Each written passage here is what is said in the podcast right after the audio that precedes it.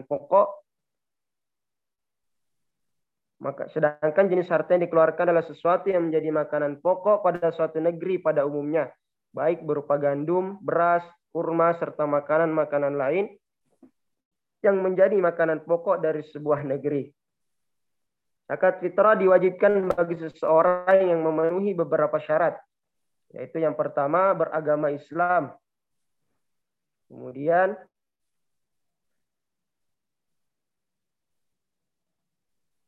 Kemudian yang kedua, lahir sebelum terbenamnya matahari pada hari berakhirnya bulan Ramadan. Oleh karena itu, anak yang lahir sesudah terbenamnya matahari tidak wajib mengeluarkan zakat fitrah. Kemudian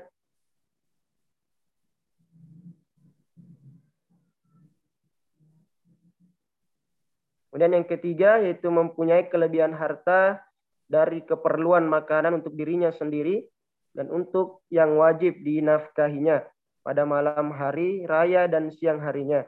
Oleh karena itu, orang yang tidak mempunyai kelebihan harta pada malam itu tidak diwajibkan mengeluarkan zakat fitrah.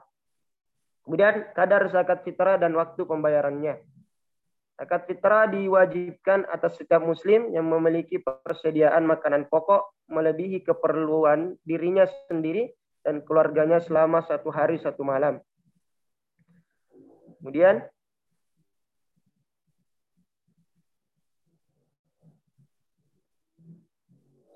di bawahnya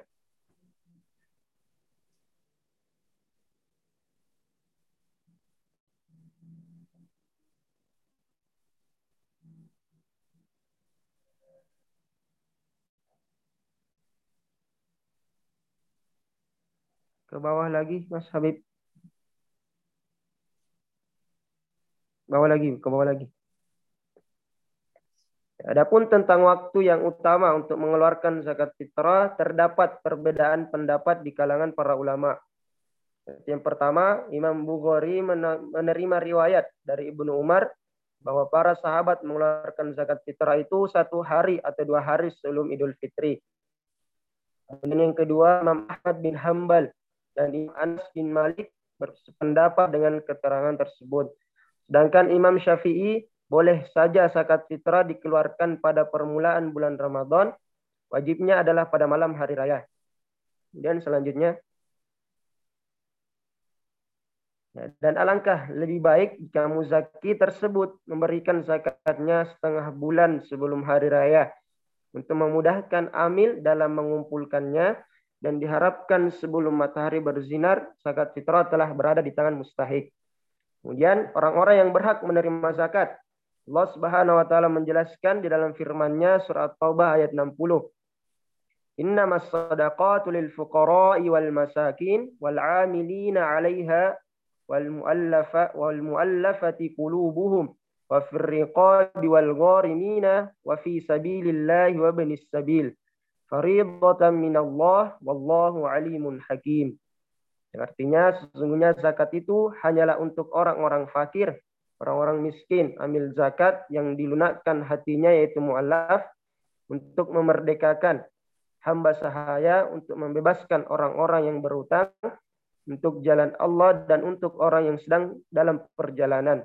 Sebagai kewajiban dari Allah, Allah maha mengetahui, maha bijaksana. Dalam surah At-Taubah ayat 60 di atas, Allah Subhanahu wa taala menyebutkan ada delapan golongan yang berhak mendapatkan zakat. Ya, selanjutnya, yaitu yang pertama fakir. Fakir merupakan kelompok pertama yang mendapatkan bagian zakat. Fakir berarti orang yang melarat, yang sengsara dalam hidupnya, tidak mempunyai harta dan tenaga untuk memenuhi penghidupannya. Dan selanjutnya. Yang kedua, yaitu miskin. Miskin ialah orang yang memiliki pekerjaan, tetapi penghasilan tidak dapat dipakai untuk memenuhi hajat hidupnya. Menurut Imam Syafi'i, Imam Hambali, Imam Maliki yang disebut miskin ialah yang mempunyai harta atau penghasilan layak dan dalam memenuhi keperluannya dan orang yang menjadi tanggungannya, tapi tak semuanya tercukupi. Seperti yang disebutkan di atas dalam surat Taubah, golongan pertama dan kedua adalah fakir dan miskin. Ini menunjukkan sasaran zakat adalah hendak menghapus kemiskinan dalam Islam. Dan selanjutnya, ke bawah lagi. Ya, ke bawah lagi, ke bawah lagi. Dari berbagai pendapat di atas tadi sedikit.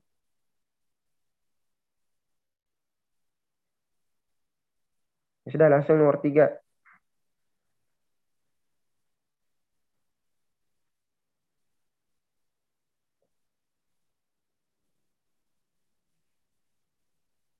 Yang ketiga yaitu amilin, panitia zakat atau yang mengurus zakat. Amil ialah orang yang diberi tugas untuk mengumpulkan dan membagikan harta zakat. Pengurus zakat adalah orang-orang yang melaksanakan segala kegiatan urusan zakat, mulai dari pengumpulan sampai kepada pembagiannya.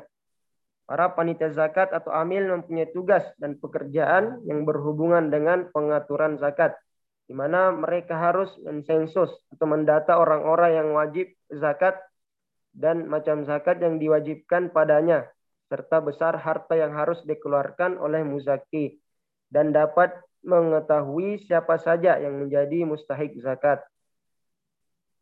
Kemudian yang keempat yaitu mu'allaf. Para mu'allaf yang dibujuk hatinya adalah orang-orang dari kaum kafir atau dari kaum muslimin yang diberi zakat bukan karena dia itu miskin melainkan supaya orang-orang itu tertarik dengan Islam.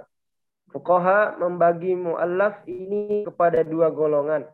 Itu yang pertama yang masih kafir. Pertama, kafir yang diharap akan beriman dengan diberikan pertolongan sebagaimana yang dilakukan Nabi Muhammad SAW terhadap Sofwan ibnu Umayyah yang dengan pertolongan Nabi Muhammad SAW beliau memeluk Islam. Nabi Sallallahu Nabi Muhammad SAW berikan 100 ekor unta kepada Sofwan. Kemudian yang kedua, kafir yang ditakuti berbuat jahat kepadanya diberikan hak mualaf untuk menolak kejahatannya. Kata Ibnu Abbas, ada segolongan manusia apabila mendapat pemberian dari Nabi, mereka memuji-muji Islam dan apabila tidak mendapat pemberian, mereka mencaci maki dan memburukkan Islam. Kemudian yaitu yang kedua telah masuk Islam. Pertama, orang yang masih lemah imannya, yang diharap dengan pemberian itu imannya menjadi teguh. Kemudian yang kedua, pemuka-pemuka yang menjadi kerabat yang sebanding dengan dia yang masih kafir. Kemudian yang ketiga, orang Islam yang berkediaman di perbatasan agar mereka tetap membela isi negeri dari serangan musuh. Keempat, orang yang diperlukan untuk menarik zakat dari mereka yang tidak mau mengeluarkannya tanpa perantaranya orang tersebut. Oke, yang kelima yaitu rikob.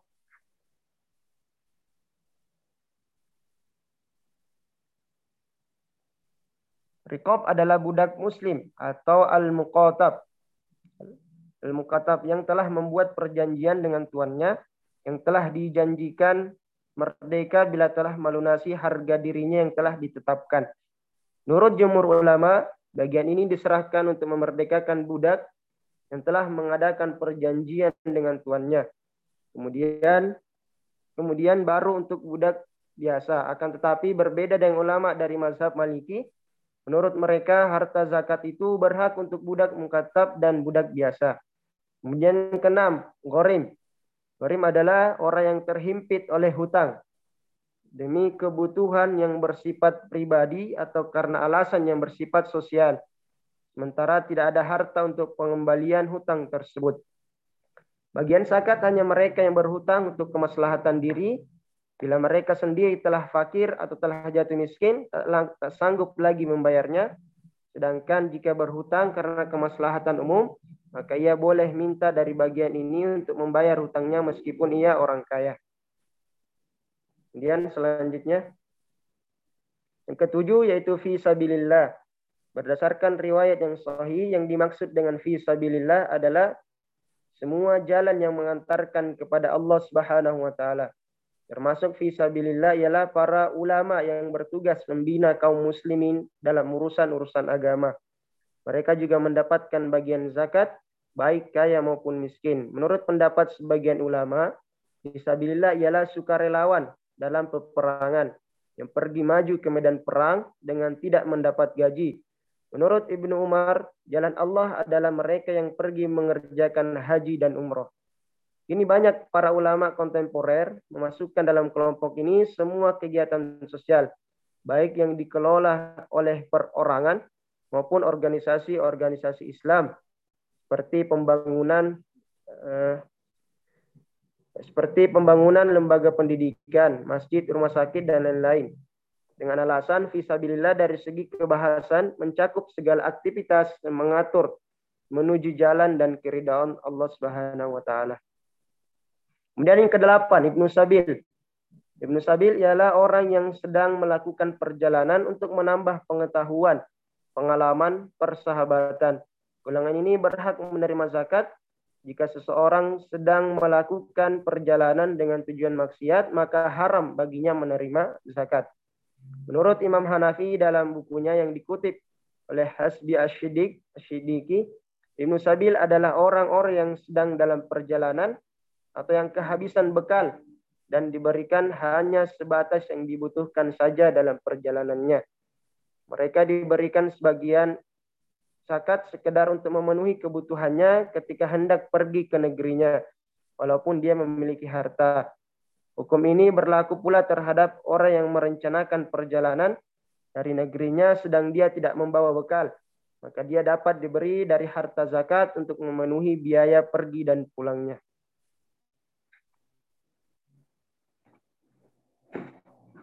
Kemudian itu tinjauan hukum Islam terhadap zakat fitrah dalam bentuk uang. Itu, itu dalam ensiklopedia ijma mengatakan para ulama konsensus bahwa zakat fitrah sah dengan membayar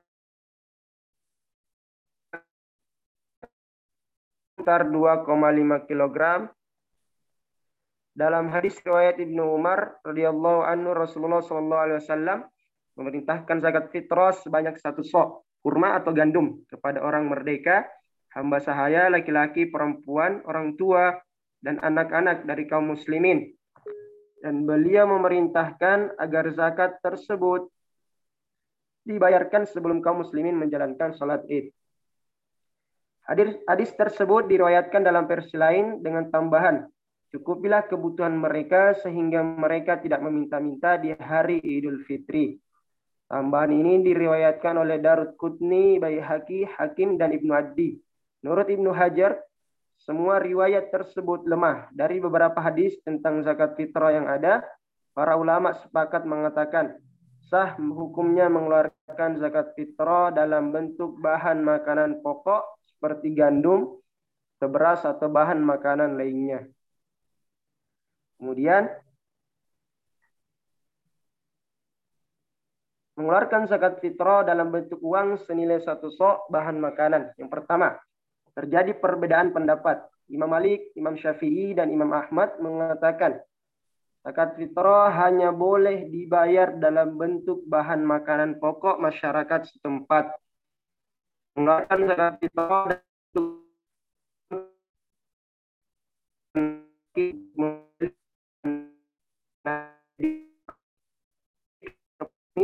mewakilkan kepada untuk membeli bahan makanan lalu disalurkan kepada mustahik. Alasan pendapat ini adalah hadis di atas yang menyebutkan bahwa Rasulullah SAW memerintahkan mengeluarkan zakat dalam bentuk bahan makanan.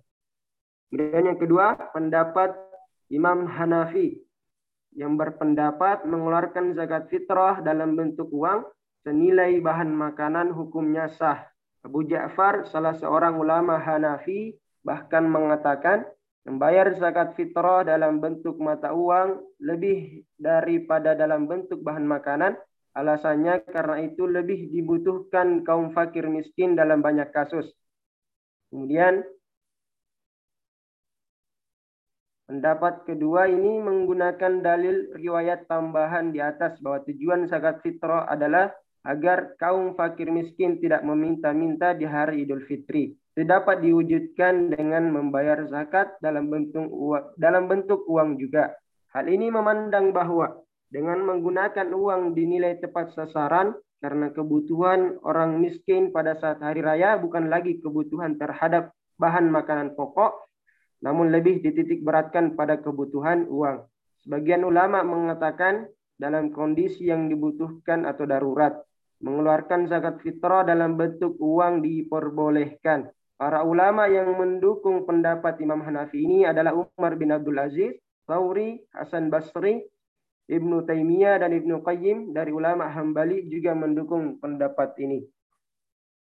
Kemudian Berdasarkan keterangan-keterangan di atas, maka zakat fitrah menggunakan uang sebagai gantinya adalah sah dan tidak menyalahi syariat Islam. Yang harus diperhatikan yaitu jumlah uang harus setara dengan beras dalam zakat fitrah tersebut jika diuangkan. Artinya, pembayaran zakat dengan menggunakan uang besarannya berbeda-beda sesuai dengan harga beras atau makanan pokok lainnya di wilayah tersebut. Kemudian penutup. Kesimpulan, zakat fitrah adalah ritual malia yang dilaksanakan setiap tahun. Pembayaran zakat fitrah pada umumnya menggunakan beras sebagai bahan makanan pokok yang lazim dikonsumsi masyarakat. Namun ada pula yang membiarkan atau menyelenggarakan pengelolaan zakat fitrah dengan uang. Jika menggunakan beras, zakat fitrah yang dibayarkan sejumlah 2,5 kg beras. Jika menggunakan uang, zakat fitrah yang dibayarkan menyesuaikan dengan harga beras yang berlaku di pasaran. Oleh karena itu, orang lebih mudah mendapatkan uang daripada bahan makanan pokok. Dengan demikian, memberikan zakat dalam bentuk uang terbukti telah memberikan maslahat bagi umat dan ini dibolehkan dalam hukum Islam. Mungkin seperti itu, Ustaz. Ya, makasih, Mas. Moha Akmal ya. ya Berikutnya siapa Mas Muhammad Hasan? Ya, saya Ustaz. Ya, ya terus dilanjutkan Mas, kalian.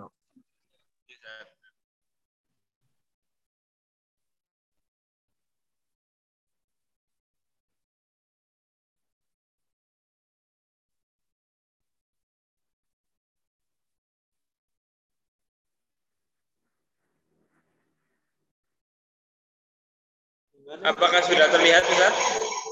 Sudah, sudah. Sudah. Uh, ya, Bismillahirrahmanirrahim. Assalamualaikum warahmatullahi wabarakatuh. Waalaikumsalam. Saya akan mempresentasikan temanya adalah hukum cadar menurut Muhammadiyah. Uh, pendahuluan, agama Islam sangat memperhatikan penjagaan bagi umatnya sesuai dengan salah satu tujuannya yaitu hibzun nafs atau menjaga jiwa. Asyatibi tanpa tahun halaman 4. Aspek ini mencakup seluruh aktivitas seorang muslim hingga gaya berpakaiannya. Bukan tanpa alasan, ketentuan ini semata-mata merupakan kebaikan bagi hamba tersebut. Selain itu, atur, selain itu aturan Selain itu, aturan yang telah ditetapkan juga bersifat mengikat dan wajib dilaksanakan oleh setiap muslim. Pada dasarnya, persoalan busana dalam Islam merupakan urusan muamalah yang berangkat dari kaidah asal tentang kebolehan hingga ada larangan terhadap hal tersebut. Jika ditelusuri lebih jauh, konsep dasar mengenai aturan sandang dalam Islam ialah aurat. Aurat secara bahasa berasal dari kata aro yang memunculkan derivasi dan makna baru. Di antaranya ialah bentuk awiro yang memiliki makna menjadi buta sebelah mata, kata awaro yang menyimpangkan, yang memiliki arti menyimpangkan, membelokkan, dan memalingkan. Kata awaro, awaro yang berarti tampak lahir atau auratnya, dan al-awar yang berarti celah atau aib. Al-awar adalah yang lemah, penakut, sedangkan al-auro yang bermakna kata-kata dan perbuatan buruk, keji, dan kotor. Sedangkan al-aurat adalah segala perkataan segala perkara yang dirasa malu. Sehingga dapat diambil kesimpulan bahwa aurat ialah segala hal yang dapat menjadikan seorang menjadi malu atau mendapatkan aib atau cacat, baik berupa perkataan, sikap, ataupun tindakan. Langsung Perintah mengenai kewajiban. Masalah aja, Mas. Oh, iya, Rumusan masalah berdasarkan uraian di atas rumusan masalah dalam penulisan ini adalah bagaimana hukum cadar dalam tinjauan Muhammadiyah. Sebentar saya zoom saat biar nggak terlalu kecil. Kemudian uh, tujuannya, adapun tujuan penulisan uh, karya ini ialah menjelaskan hukum cadar dalam tinjauan Muhammadiyah. Kemudian kerangka teori, beberapa teori yang diambil dalam tulisan ini adalah eh antara lain Pertama Al-Qur'an surah Al-Ahzab ayat 59. A'udzu billahi rajim. Ya ayyuhan nabiyyu qul li azwajika wa banatika wa nisa'il mu'minina yudanina 'alaihinna min jalabihinna. Dzalika adana ay yu'rafna fala. Wa kana Allahu ghafurur rahima. Artinya, wahai Nabi, katakanlah kepada istri-istrimu, anak-anak perempuanmu dan istri-istri orang mukmin hendaklah mereka menutup jilbabnya ke seluruh tubuh mereka. Yang demikian itu agar mereka lebih mudah untuk dikenali sehingga mereka tidak diganggu. Dan Allah Maha Pengampun, Maha Penyayang. Ayat di atas menyebutkan tentang kewajiban menutup tubuh dengan jilbab sebagai pengenal dan pembeda antara perempuan yang merdeka dan budak maupun tuna susila. Sedangkan penyebutan mengenai sifat Allah yang Maha Pengampun dan Penyayang adalah bentuk kebaikannya terhadap wanita yang pernah membuka aurat di masa lalunya. Kemudian yang kedua Al-Qur'an surah An-Nur ayat 31. A'udzubillahi minasyaitonirrajim. Wa qul mu'minati yakhdudna min absarihinna wa yakhudna furujahunna wa la yubdina zinatahunna illa ma dhahara minha wal yabribana bi khumurihinna ala huyubihinna ala juyubihinna.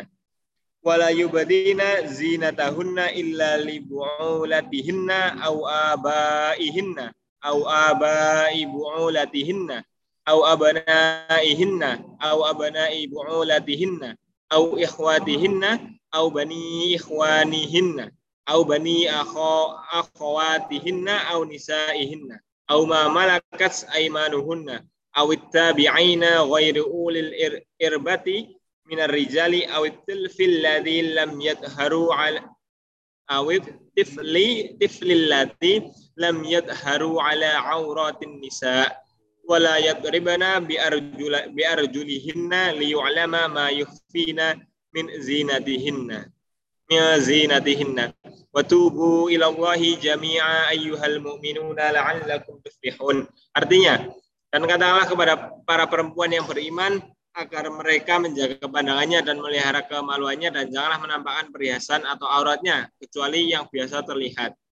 Dan dalam mereka menutupkan kain kerudung ke dadanya dan janganlah menampakkan perhiasan atau auratnya kecuali kepada suami mereka atau ayah mereka atau ayah suami mereka atau putra-putra mereka atau putra putra-putra suami mereka atau saudara-saudara laki-laki mereka atau putra-putra saudara laki-laki mereka atau putra-putra saudara perempuan mereka atau para perempuan sesama Islam mereka atau hamba sahaya yang mereka miliki atau para pelayan laki-laki tua yang tidak mempunyai keinginan terhadap perempuan atau anak-anak yang belum mengerti tentang aurat perempuan. Dan janganlah mereka menghentakkan kakinya agar diketahui perhiasan yang mereka sembunyikan. Dan bertobatlah kamu semua kepada Allah, wahai orang-orang yang beriman, supaya kamu beruntung. Selain ayat pertama, Quran Surat An-Nur ini juga turut menyempurnakan penjelasan mengenai perintah menutup aurat dengan pengecualian terhadap bagian tubuh yang biasa nampak. Dalam banyak pendapat kata madhhara minha mana sebagai wajah dan kedua telapak tangan. Kemudian hadis yang diriwayatkan hadis yang diriwayatkan oleh Aisyah radhiyallahu anha, an Aisyah radhiyallahu anha anna Asma Asma binta Abi Bakrin dakhalat ala Rasulillah sallallahu alaihi wasallam wa 'alaiha fi thiyabun riqaqun fa'rada anha Rasulullah sallallahu alaihi wasallam wa qala ya Asma'u innal mar'ata idza balagat mahidha lam tasluh ayyura minha illa hadza wa hadza. Rahu Abu Dawud. Rahu Abi Dawud. Artinya dari Aisyah radhiyallahu anha bahwa Asma bin Ab diriwayatkan bahwa Asma binti Abu Bakar masuk menemui Rasulullah SAW dengan mengenakan kain yang tipis. Maka Rasulullah pun berpaling darinya. Beliau bersabda, wahai Asma, sesungguhnya seorang wanita jika telah balik tidak boleh terlihat darinya kecuali ini dan ini. Beliau menunjukkan wajah dan kedua telapak tangannya. Hadis riwayat Abu Daud nomor hadis 4104. Dalil di atas menjadi penjelas bagi ayat eh, ayat-ayat di atas mengenai bagian yang biasa nampak dari tubuh wanita, yaitu kedua telapak tangan dan wajah. Kemudian Manhaj Muhammadiyah yang menggunakan tiga pendekatan dalam memahami persoalan hukum. Di antaranya ialah pendekatan bayani yang bertolak dari kajian nas-nas al-primel Al-Quran dan as-sunnah al-makbulah. Juga ada pendekatan burhani yang menggunakan kepada kajian pengetahuan umum yang berkembang dalam istihad terakhir yaitu pendekatan irfani yang berdasarkan kepada internalisasi nilai-nilai transendental yang memantik kesadaran nurani dan intuisi. Selain itu, alasan istimbat hukum juga berdasar kepada kepekaan nurani sehingga lebih mudah diterima. Kemudian pembahasan Muhammadiyah merupakan organisasi masyarakat Islam yang memiliki metode istimbat hukum sendiri dalam merespon persoalan-persoalan hukum.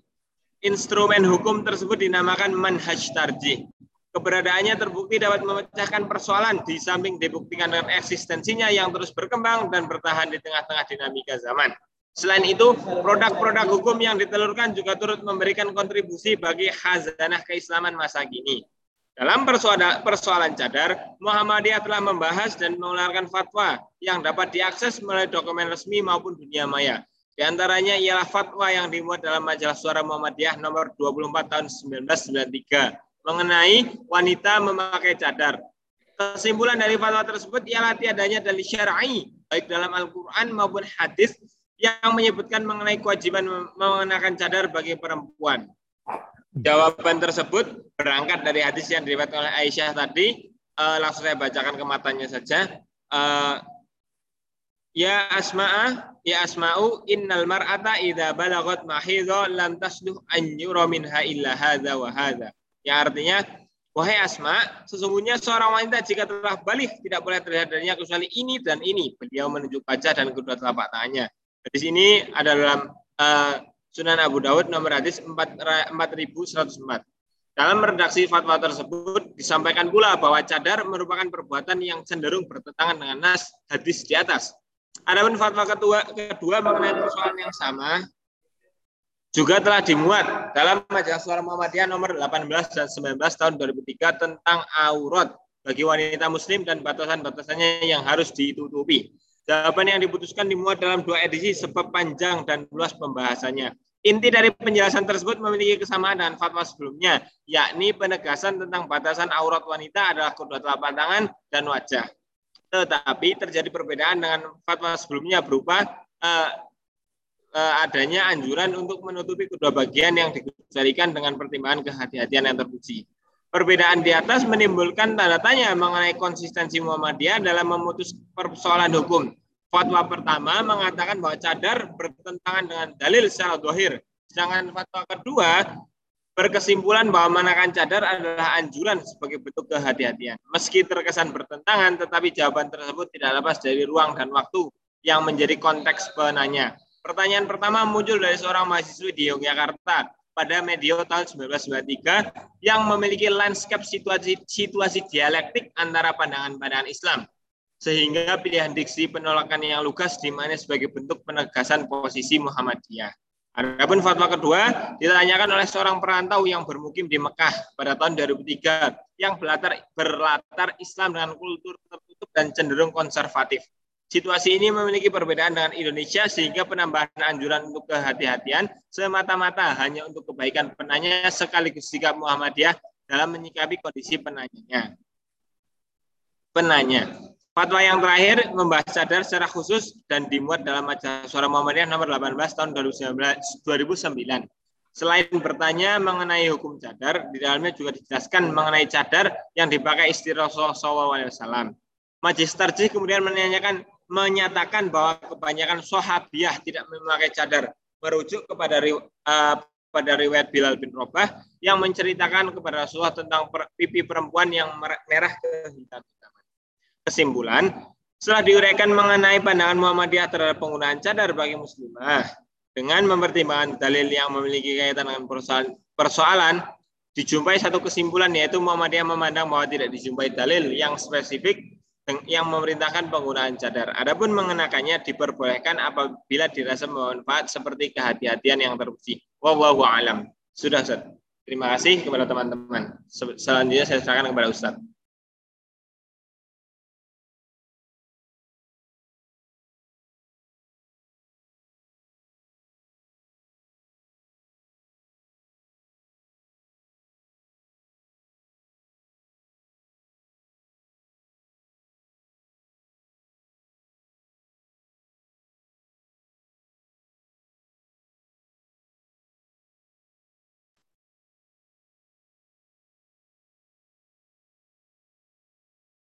Sudah Mas Usan. Mas sudah. Sudah Ustaz atau ya. Ya, ya. Sekarang dipimpin untuk kemungkinan masukan dari kawan-kawan. Ya Ustaz.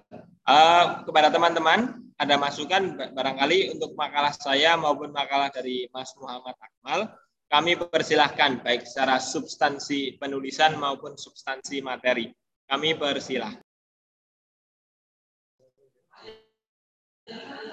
Eh, Apa Ustadz? Saya mau bertanya Ustadz. Ya silakan. Uh, punyanya Mas Akmal. Ya silakan silakan.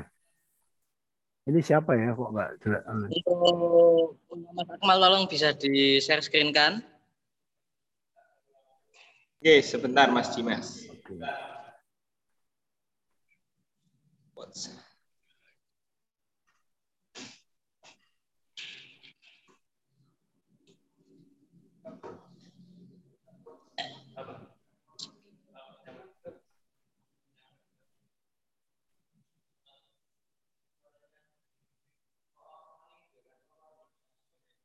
Ya, silakan pertanyaannya apa Mas Dimas?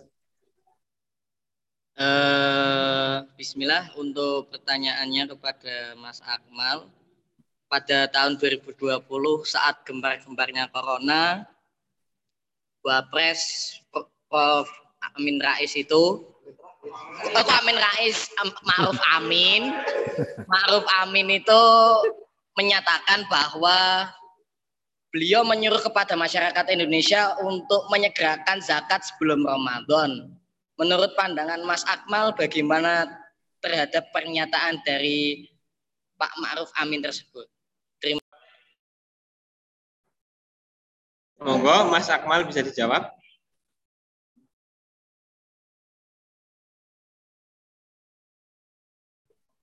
Mungkin bisa dikumpulkan dulu. Oh iya. Ya, boleh, boleh. Uh, monggo yang lain barangkali ada yang mau bertanya. Uh, tema hari ini insya Allah adalah tinjauan hukum Islam tentang zakat fitrah dalam bentuk uang dan juga cadar dalam tinjauan Muhammadiyah. Monggo kepada teman-teman yang ingin bertanya mengenai penulisan maupun mengenai isi materi. Uh, Bismillah, mohon bertanya kepada Mas Gusan. Uh, ini sebenarnya ingin memastikan saya itu pernah mendengar bahwa ada orang berkata bahwa cadar itu adalah budaya dari Arab. Nah, saya ingin mohon penjelasannya. Apakah cadar itu bagian dari budaya Arab atau syariat Islam? Mungkin cukup sekian Mas Gusan. Ya, terima kasih kepada Mas Dian yang sudah bertanya ya. Dikumpulkan dulu saja. Monggo yang lain, monggo yang mau uh, monggo. Mohon maaf, Mas Gosan, saya ingin bertanya berkaitan dengan cadar.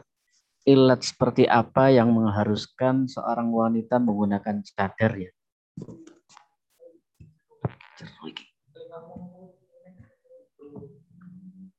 Uh, pertanyaan dari saya, ilat seperti apa yang mengharuskan wanita menggunakan cadar? Gitu. Ya uh, sudah masuk. Alhamdulillah Mas Rausan. Monggo yang lain yang mau bertanya uh, kepada para pemakalah hari ini masih kami buka. Kami tampung terlebih dahulu ya Ustaz. Ini jadi biar jawabnya sekalian Ustaz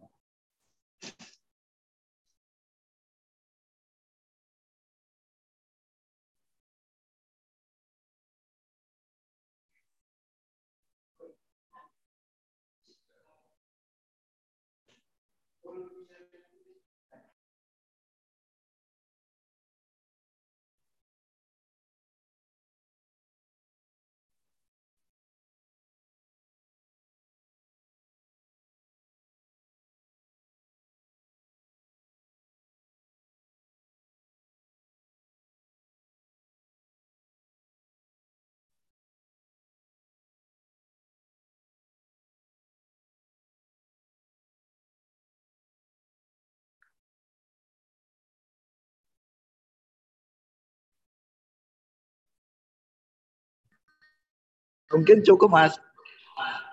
Oke, uh, Mas Akmal, mau bisa dijawab dulu Mas Akmal pertanyaan pertama dari Mas Dimas mengenai menyegarakan zakat fitrah.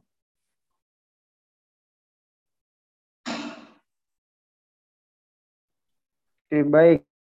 Jawab pertanyaan dari Saudara Dimas yang mana pada tahun 2020 Wapres mengeluarkan eh, semacam himbauan kepada seluruh lembaga amil zakat untuk mengumpulkan zakat fitrah sebelum bulan Ramadan karena mengingat pandemi.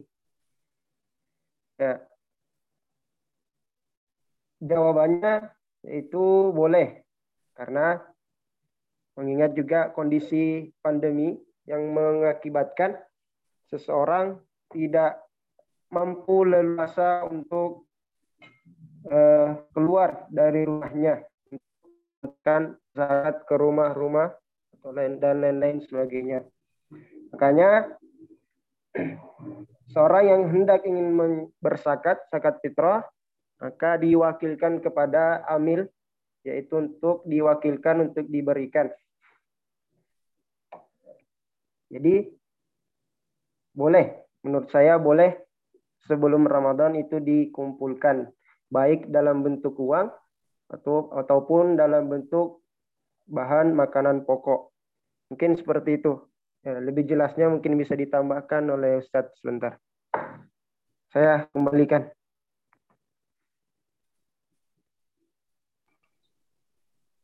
Uh, mungkin cukup saya paham. Uh, J. Uh, sekarang Uh, saya ingin menjawab pertanyaan dari Mas Dian terlebih dahulu mengenai apa tadi? Oh, cadar itu budaya atau syariah. Jadi uh, kalau kita merujuk kepada tarikh tasrinya ya kepada sejarahnya bahwa apa cadar itu sebenarnya sudah ada sebelum Islam datang pada masa jahiliyah. Waktu itu uh, cadar itu masih budaya ya, belum masuk kepada syariat. Jadi masyarakat-masyarakat waktu itu sudah mengenakan. Bahkan kalau kita runut dalam hadis itu pada riwayat Ibnu Majah, uh, ketika Rasulullah hijrah ke Madinah, Rasulullah menikahi menikahi Safiyah binti Huyai. Uh, Rasulullah itu mengatakan bahwa ada Aisyah yang menyamar dan memakai nikob.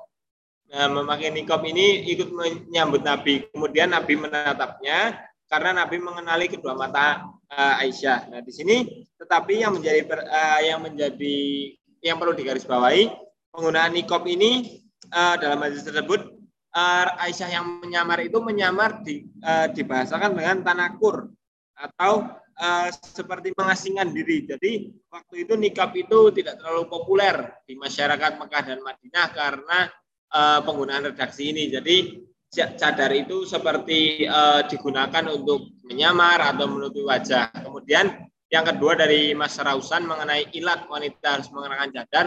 Sebenarnya uh, karena uh, pakaian busana ini kan uh, tadi sudah dikatakan masuk kepada ranah muamalah. Jadi sebenarnya selama tidak ada dalil yang membatalkan itu maka diperbolehkan. Tetapi jika dirasa memakai cadar itu membawa kebaikan seperti dalam fatwa tadi, uh, itu cadar itu dianjurkan untuk kehati-hatian, maka diperbolehkan. Tetapi kalau memang tidak perlu mem, tidak dirasa tidak usah memakai cadar ya tidak apa-apa. Jadi ilat atau alasan alasan memakai cadar itu kembali kepada masing-masing pribadi. Tetapi Muhammadiyah di sini berfatwa berpandangan bahwa cadar itu bukan suatu kewajiban, hanya satu anjuran. Ya, mungkin seperti itu. Terima kasih Mas Gusan. Oke, uh, selanjutnya saya kembalikan kepada Ustadz. Sudah selesai? Sudah Ustadz, sudah jawab, sudah dijawab. Ya.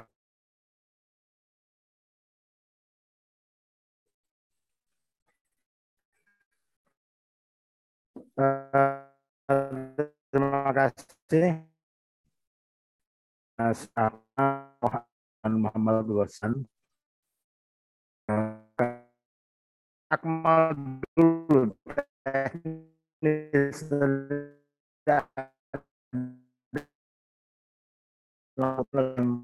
perlu saya lihat. Aku mau bicara dulu. Ya ini ada saya lihat. Halo, Akmal, sinyal ya. Terus Afan, ya, saya mau... Afan Ustaz, suara Ustaz putus Ustaz. Lihat... Oh iya. Saya mau lihat apa footnote-nya. Oh, footnote, ya Ustaz.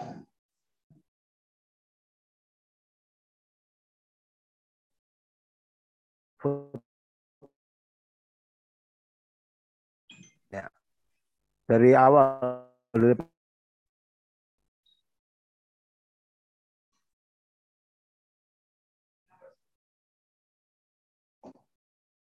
terus terus. Agak diperbesar dikit ya supaya saya agak kurang jelas. Ini ada ada satu dan apa kayak blok blok yang menutup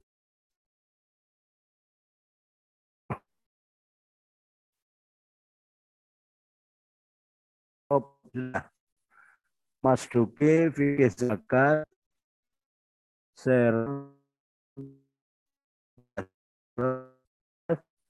Elisan, terus zakat dan infak, zakat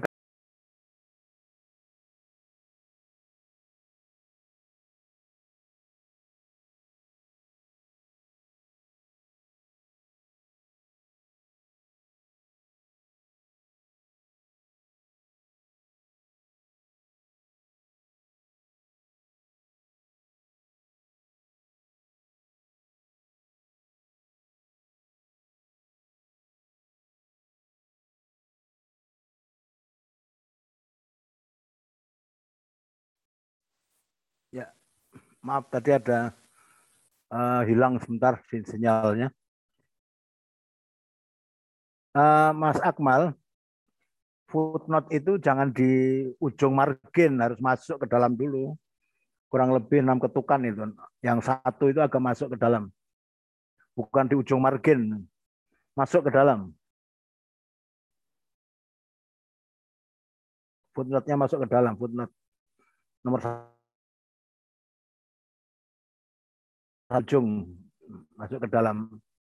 Ya seperti itu. Ya. Nanti yang dua juga disodokkan ke dalam yang nomor dua. Ya nanti menyesuaikan.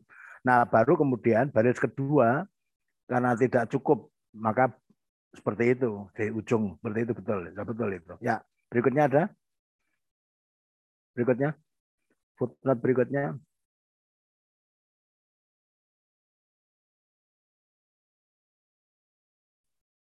Ya, sama saja itu. Ya.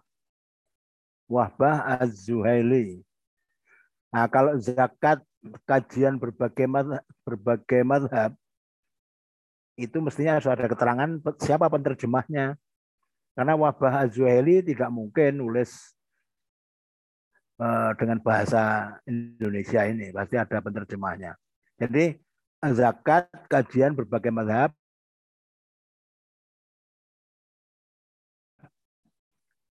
Atau kalau ada cetakan, maka cetakan itu diletakkan setelah nama buku itu. Ya, sudah betul, tapi cuma ini penerjemahnya belum ada. Penerjemahnya siapa? Nanti cari ya. Jadi zakat kajian berbagai madhab, koma penerjemah siapa? Ya, terus berikutnya. Bisa dengar suara saya, Akmal ya? Bisa, Ustaz, bisa. Ya, terus, terus, terus. Terus, terus. Ada lagi footnote yang mungkin berbeda dengan yang lain? Nah, op, op, ya. Sama saja nanti itu disodok ke dalam ya. Saleh itu Falauzan, ya. Sebetulnya kalau footnote nggak perlu pakai dokter, nggak nanti itu ada di kurikulum vitae masing-masing ya. Jadi Yusuf Kordowi bisa saja. Yusuf Kordowi juga mestinya hukum zakat ini ada penerjemahnya. Ya, jadi setelah hukum nggak usah pakai nggak usah pakai dokter ya, langsung Yusuf Kordowi. Kalau namanya asli sih Yusuf Al-Qorodowi, tapi orang-orang Indonesia sering begitu. Nama orang itu diganti-ganti sendiri gitu. Ya.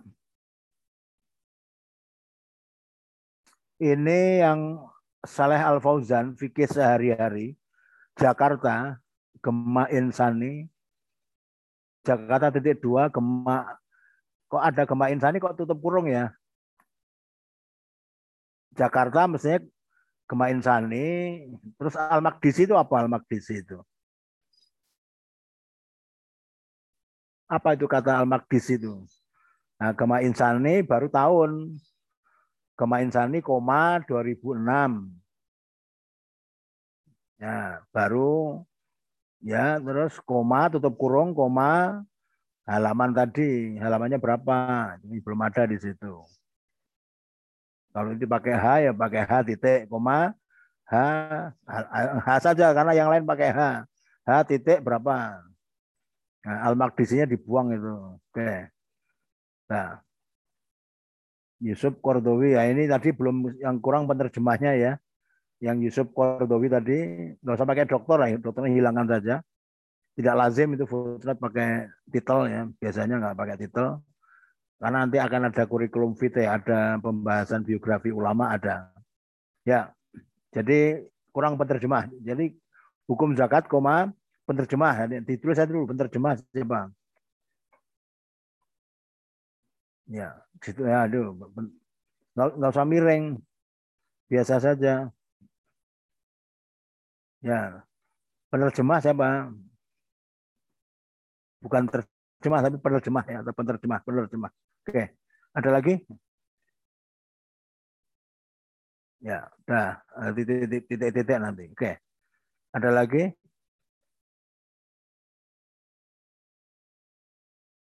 Nah, Ibnu Rush ini Ibnu Rus Bidayatul Mustahid.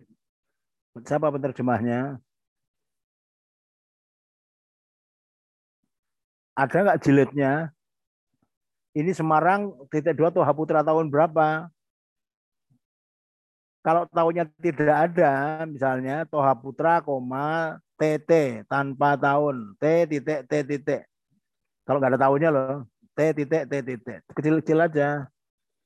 T titik T titik. Dah, tutup kurung. Ada enggak jilidnya itu? Bidayah ini kan tebal, mesti ada jilidnya. Kalau ada jilidnya, setelah tutup kurung koma, misalnya ya, misalnya itu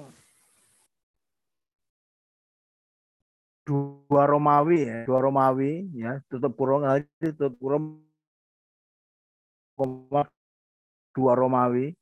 Di di belakangnya dua Romawi ya, hanya contoh saja ini dua Romawi, titik dua, titik dua, titik dua. Nah, hanya dihilangkan, hanya dihilangkan, hanya dihilangkan. Nah, itu namanya jilid dua halaman 272 seperti itu. Tapi nanti cek lagi. Terus. Terus.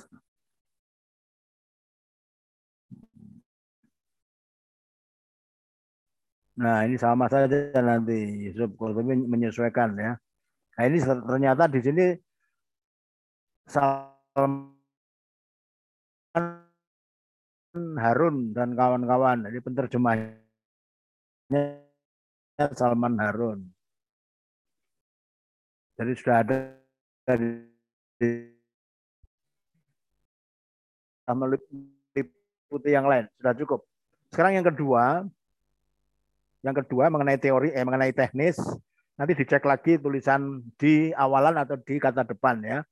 Di atas dilihat nanti dicek lagi ada nggak tulisan seperti itu nanti dibenahi.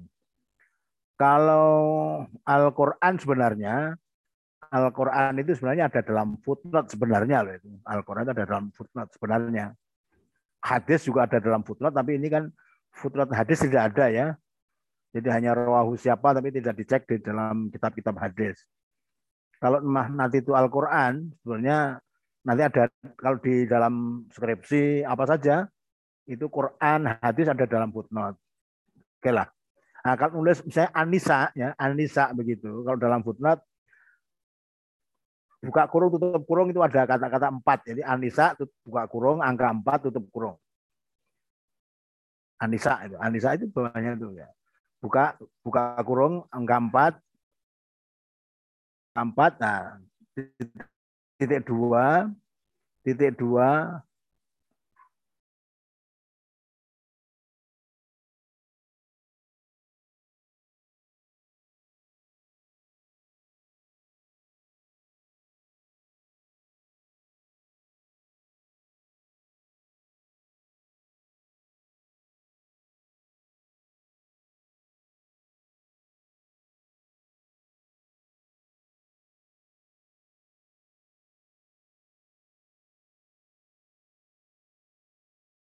habis ya, bentar mau habis ini.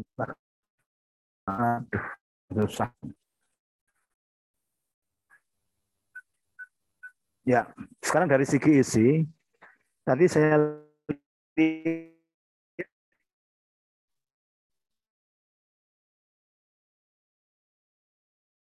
teorinya ada ada, hmm? ada teorinya enggak? Akmal?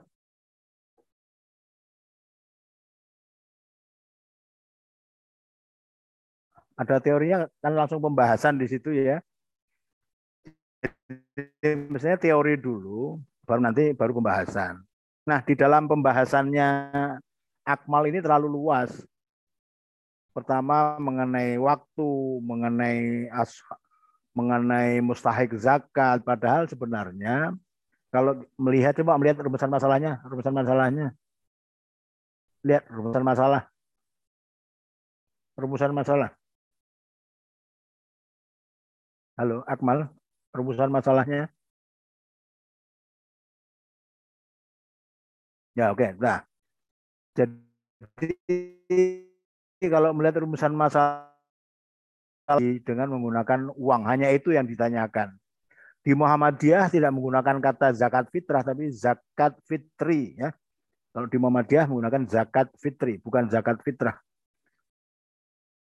Nah, ternyata memang Akmal tidak melihat hasil pembahasan fikih zakat kontemporer yang ditulis oleh uh, anggota Tarje untuk Munas kemarin itu. Nah, di situ komplit sudah mengenai zakat fitr itu di situ. Jadi kalau pertanyaannya mengenai hukum zakat fitr ya zakat hukum zakat fitr itu saja. Kalau mustahiknya kemudian waktunya itu nanti perlu waktu sendiri karena itu nanti terjadi perbedaan pendapat. Sehingga bisa ditanyakan kapan waktunya, waktu pemberiannya, dan kapan waktu berakhirnya, dan seterusnya. Nanti kalau Akmal membaca eh, tulisan fikih zakat kontemporer di Muhammadiyah, wah, lebih dinamis itu, lebih berkemajuan dibandingkan dengan apa yang ditulis oleh Akmal. Jadi di sini Akmal saya lihat terlalu meluas, tidak khusus fokus kepada hukum zakat fitr. Jadi fokus. Tidak langsung melebar. Kalau itu kalau kitab fikih ya sebagai sebuah kitab fikih memang dibahas semuanya. Tapi kalau ini dalam sebuah makalah karena pertanyaannya hanya bagaimana hukum zakat fitr di dalam Islam, maka ya hanya itu, fokusnya hanya itu. Misalnya eh, teorinya, kerangka teorinya pertama ayat 103 atau ubah misalnya atau hadisnya Abu Said Al Khudri mengenai zakat fitr itu ada gandum satu sok dan seterusnya itu. Itu satu. Karena itu bagi yang memahami zakat fitrah dengan makanan pokok ya dari hadis itu. Atau zakat atau hadisnya Ibnu Umar tadi itu. Yang kedua ini bagi yang membolehkan. Maka teorinya pertama Hud min amwalihim tutahiruhum wa tuzakihim biha wa alaihim. Terus yang kedua, ayat Al-Quran Ali Imran 92. Lan tanalul birra hatta tungfiku mimma tuhibbun. Kemudian yang ketiga, kalau akan menggunakan Ibnu Taimiyah itu bahwa zakat fitr itu boleh uang atau dengan makanan pokok, maka adalah mana yang lebih bermanfaat, mana yang lebih maslahah untuk fakir miskin apakah uang atau makanan pokok itu digunakan teorinya adalah mana yang lebih bermanfaat. Nah, itu teorinya. Nah, nanti baru dijelaskan secara sedikit detail ada dalam pembahasan.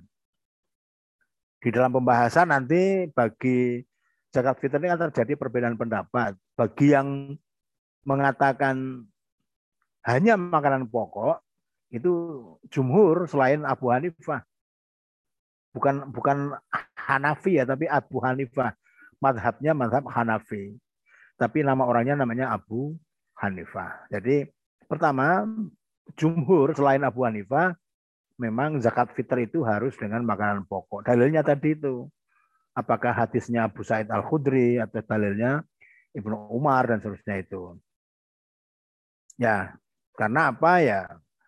Secara bayani memang dalam hadis itu yang dikatakan zakat ya hanya gandum, kemudian eh, kurma misalnya, anggur, nah itulah yang harus dijadikan sebagai dasar untuk zakat fitr. Nah, sedangkan yang tidak membolehkan, eh, sedangkan yang membolehkan zakat fitr dengan uang, pertama tadi hadis tadi eh, ayat Quran eh, 103 atau bahasa di bahwa kata-kata amwal ya, ada kata-kata hud min amwalihim. Jadi ambillah sebagian dari harta mereka. Jadi harta itu bahwa zakat itu awalnya diambil dari harta. Ya, harta itu adalah di antaranya adalah uang itu sendiri. Ya, di antara harta adalah uang itu. Terus kemudian ada lantaran biro hatta tungfiku mimma tuhibun. Itu bagaimana kita menjelaskan lantaran biro hatta tungfiku mimma tuhibun. Dalam kaitan dengan konteks zakat fitr ini bahwa pada masa Nabi harta yang paling dicintai itu adalah makanan. Karena itulah maka lantaran biro jadi mereka itu belum mendapatkan ke apa ya sebagai orang yang berbuat kebajikan sampai dia itu menafkahkan apa yang dicintai. Ya yang dicintai adalah harta. Waktu itu adalah makanan. Bukan uang tapi makanan. Tapi orang-orang sekarang di masa modern sekarang ini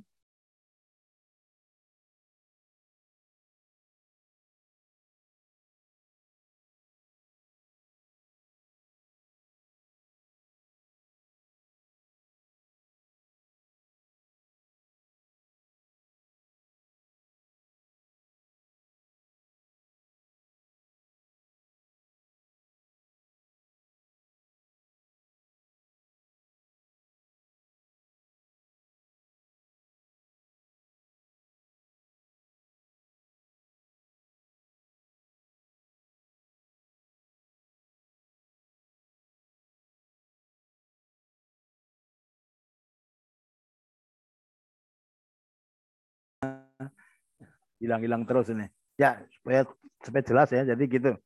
Jadi eh, sekarang ini uang. Nah, kemudian eh, dari perbandingan makanan dan uang itu sebenarnya mana sih yang lebih bermanfaat untuk orang-orang fakir miskin itu apa sih yang lebih bermanfaat uang atau makanan pokok ini perlu penelitian memang nanti eh, tugasnya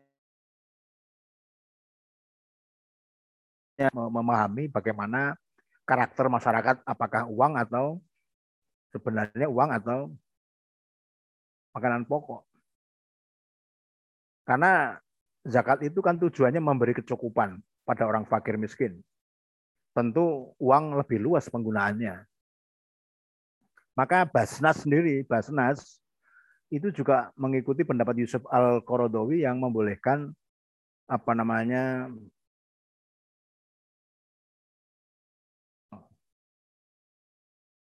Nah, karena boleh dengan uang, maka bagaimana cara memberikannya? Ya sesuai dengan harga-harga yang ada waktu itu. Karena ada yang makanannya satu kilo berasnya itu ya satu dua belas dua belas ribu, ada yang sepuluh ribu, ada yang enam ribu. Jadi disesuaikan dengan eh, kebiasaan masyarakat itu karena memang harga beras bermacam-macam. Jadi apa namanya teorinya ada itu saja dan nanti penjelasannya seperti itu. Zakat dengan uang karena kesimpulannya kesimpulannya Akmal tidak bicara hukum. Kan pertanyaan kan apa hukumnya? Kalau hukum berarti boleh atau tidak boleh. Bahwa zakat uang itu boleh, misalnya gitu.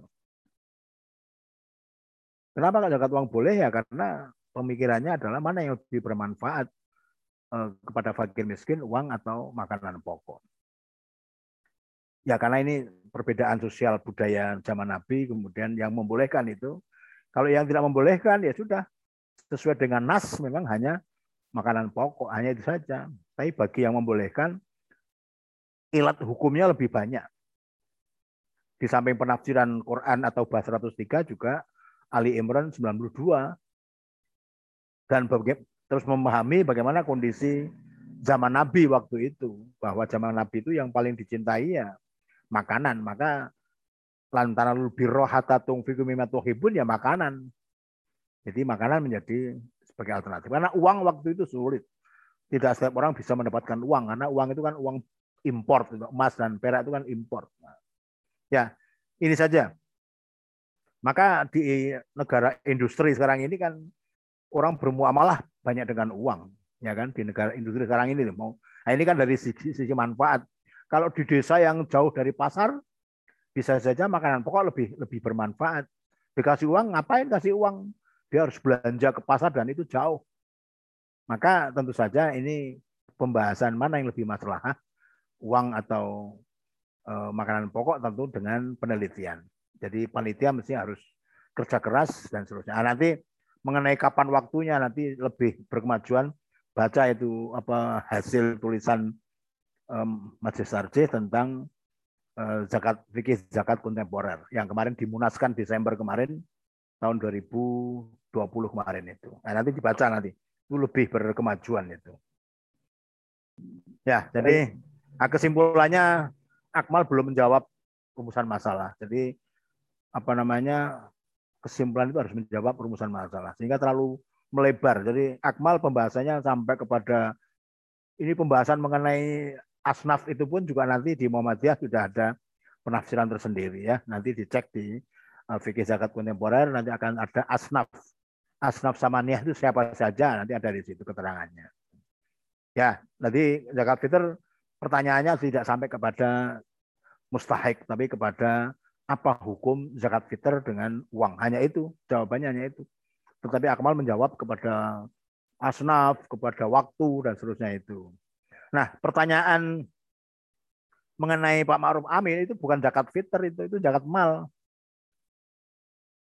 Jadi pertanyaan apa namanya himbauannya Ma'ruf Amin sebagai wakil presiden waktu itu itu bukan masalah zakat fitr tapi zakat mal karena masa pandemi ini maka zakat mal tidak mesti harus satu haul. Sepanjang sudah mencapai nisab, sudah keluarkan walaupun tidak mencapai nisab. Ya, nah itu nanti itu sudah dibahas dalam risalah di PUTM eh, angkatan kemarin sudah membahas mengenai zakat fitr, mengenai mendahulukan eh, pembahasan zakat fitr ini sudah dibahas. Ya, mendahulukan zakat sebelum masa satu haul itu sudah dibahas dalam risalah di angkatan kemarin.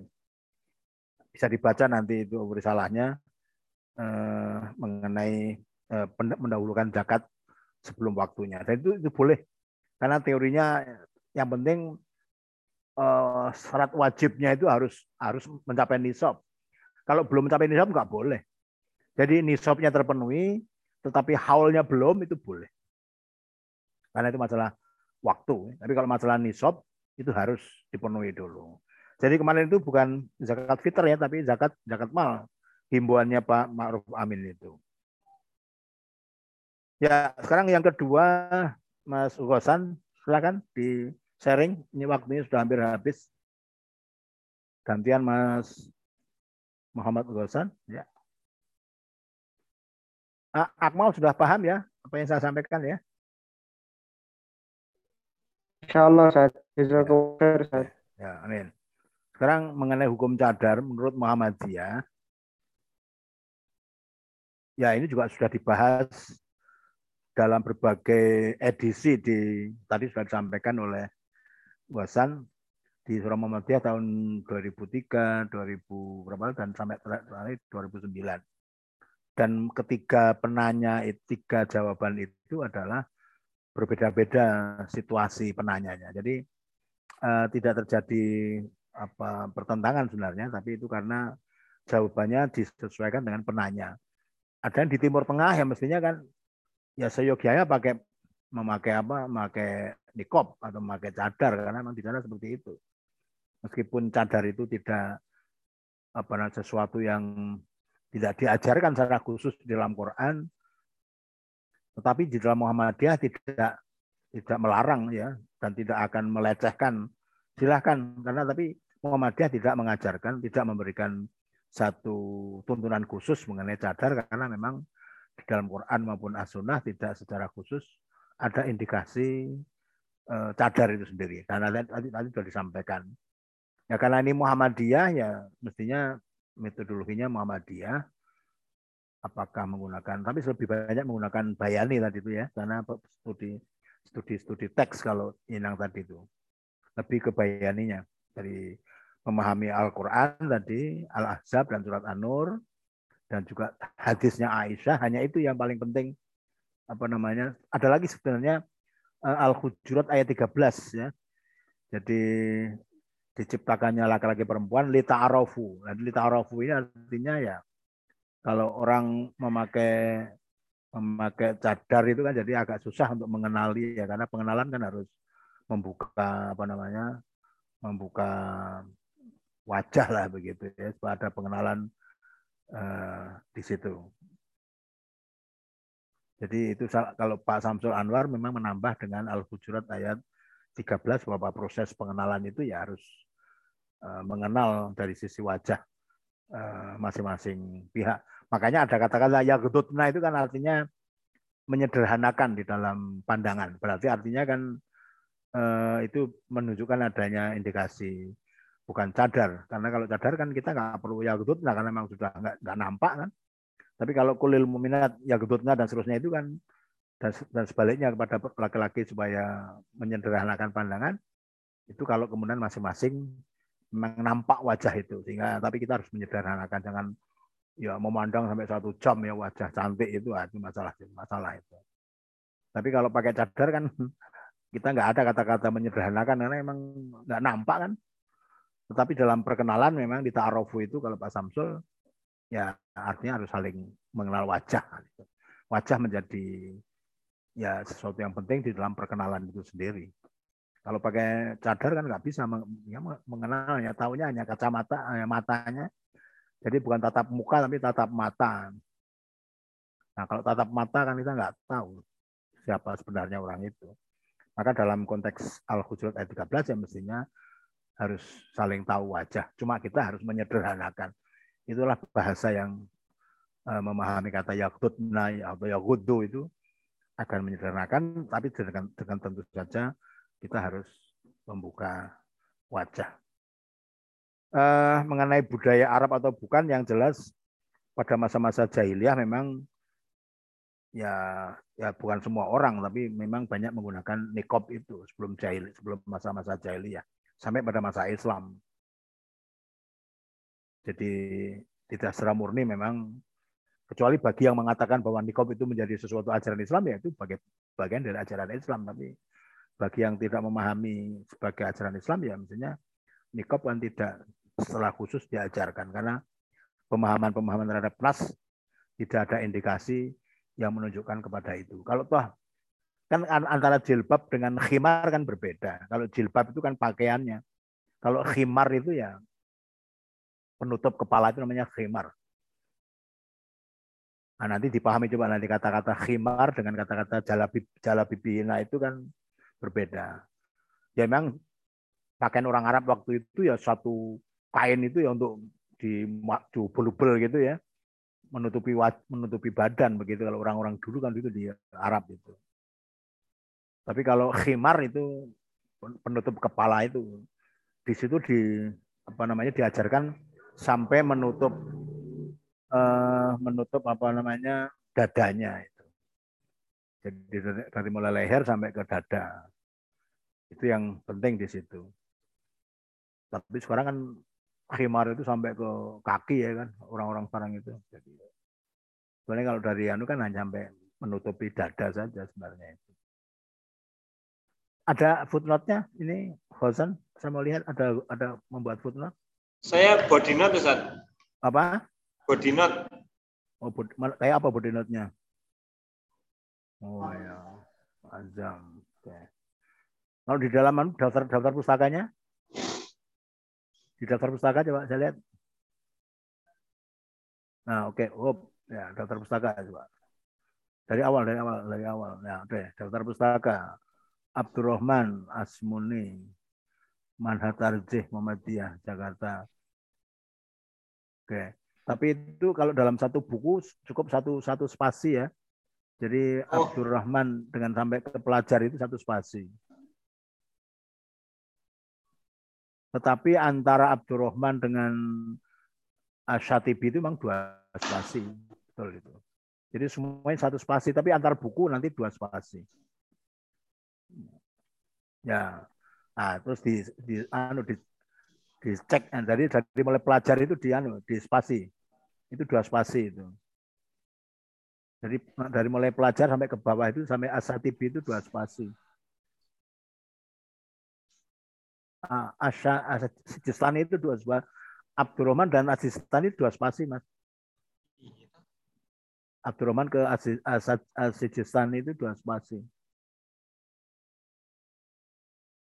Itu bukan bukan satu spasi, dua spasi. Jadi antar buku itu satu spasi, dalam satu buku itu satu spasi. Aturannya begitu menulis daftar pustaka itu. Oh, ya. Tapi dalam satu buku ya tinggal diketok aja, diketok aja, track, nah, udah nanti sudah muncul. Tinggal diketok aja di spasi, jadi enter aja, dah, di enter saja kan sudah sudah tinggal mengenter mengenter saja itu. Ya, jadi nanti itu masih yang masih belum belum jelas, ya bukan belum jelas, yang belum benar dalam satu buku itu satu spasi, antar buku itu dua spasi. Asyatibi tanpa tahun, Kairo, Mustafa Muhammad. Oke. Tanpa tahun itu sebetulnya nulisnya T titik T titik ya.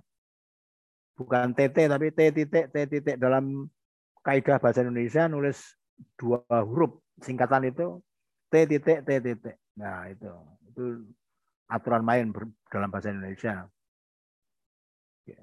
Dan di dalam daftar pustaka nggak ada kurung ya, nggak ada kurungnya. Kurungnya dibuang semua itu. Kurung tutup, kurung buka dibuang, nggak, ada dalam. Nah jilid itu ya, uh, apa itu al apa ini judulnya Asyatibi itu al al muwafaqat ya. Al muwafaqat itu bukan kok jilid dua, tetapi kalau dalam daftar pustaka berapa jilid itu? Al muwafaqat itu berapa jilid? Bukan jilid dua, jilid dua ada dalam footnote betul. Kalau jilid jilid dua itu ada dalam footnote atau dalam endnote mungkin kalau itu menunjukkan jilid. Tapi kalau mau lebih lebih komunik lebih benar al muwafaqat fi usul syariah ini misalnya 12 jilid. Nah, begitu mestinya. Itu penting itu kalau mau tahu oh, ternyata muafakat itu ada 12 jilid. Bukan jilid dua, jilid dua itu ada dalam footnote atau endnote. Nanti coba dihitung itu al muafakat itu ada berapa di situ. Ada berapa jilid atau 30 jilid atau berapa ya. Atau ada 6 jilid. Nah, jadi 6 jilid begitu kalau mau tulis itu. Al muafakat fi usul syariah ada 6,6 jilid. Nah, gitu. Penting itu. Bukan jilid dua. Ya. Ini siapa? Atmaja Isngati Marwah.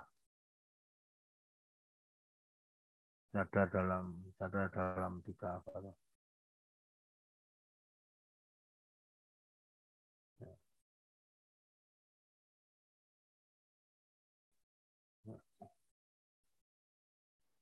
Munawir Ahmad Warson Kamus Al Munawir Arab Indonesia terlengkap Surabaya pustaka ya. Ya sudah nanti seperti itu. Saya kira demikian. Ya. Jadi dalam Muhammadiyah memang ada beda situasi penanya Dan itu sudah ditulis oleh Pak oleh Mas SAD di dalam Suara Muhammadiyah sudah dijelaskan. Antara fatwa tahun awal sampai pada tahun 2009 telah terjadi tiga penanya dari Arab, ada orang mahasiswi misalnya gitu ya, berbeda-beda itu. Tapi semua dijawab bahwa sesuai dengan situasi penanya.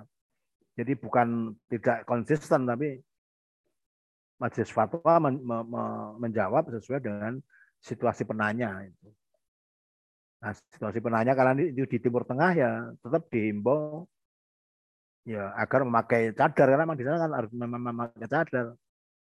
Nah, kesimpulannya apa?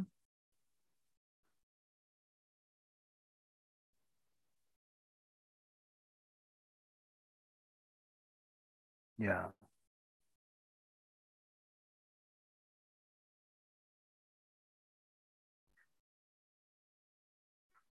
Mas, eh.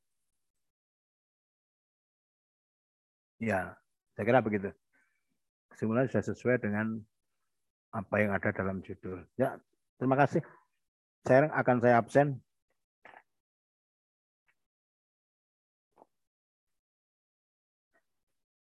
Tadi sebagian sudah saya tulis. Ini yang belum ya. Ahmad Rizki ada? Ustaz. Ya. Uh, Fadil? Izin di grup Ustaz. Sejak kemarin ya? Sejak kemarin izin ya? Iya Ustaz, mungkin sedang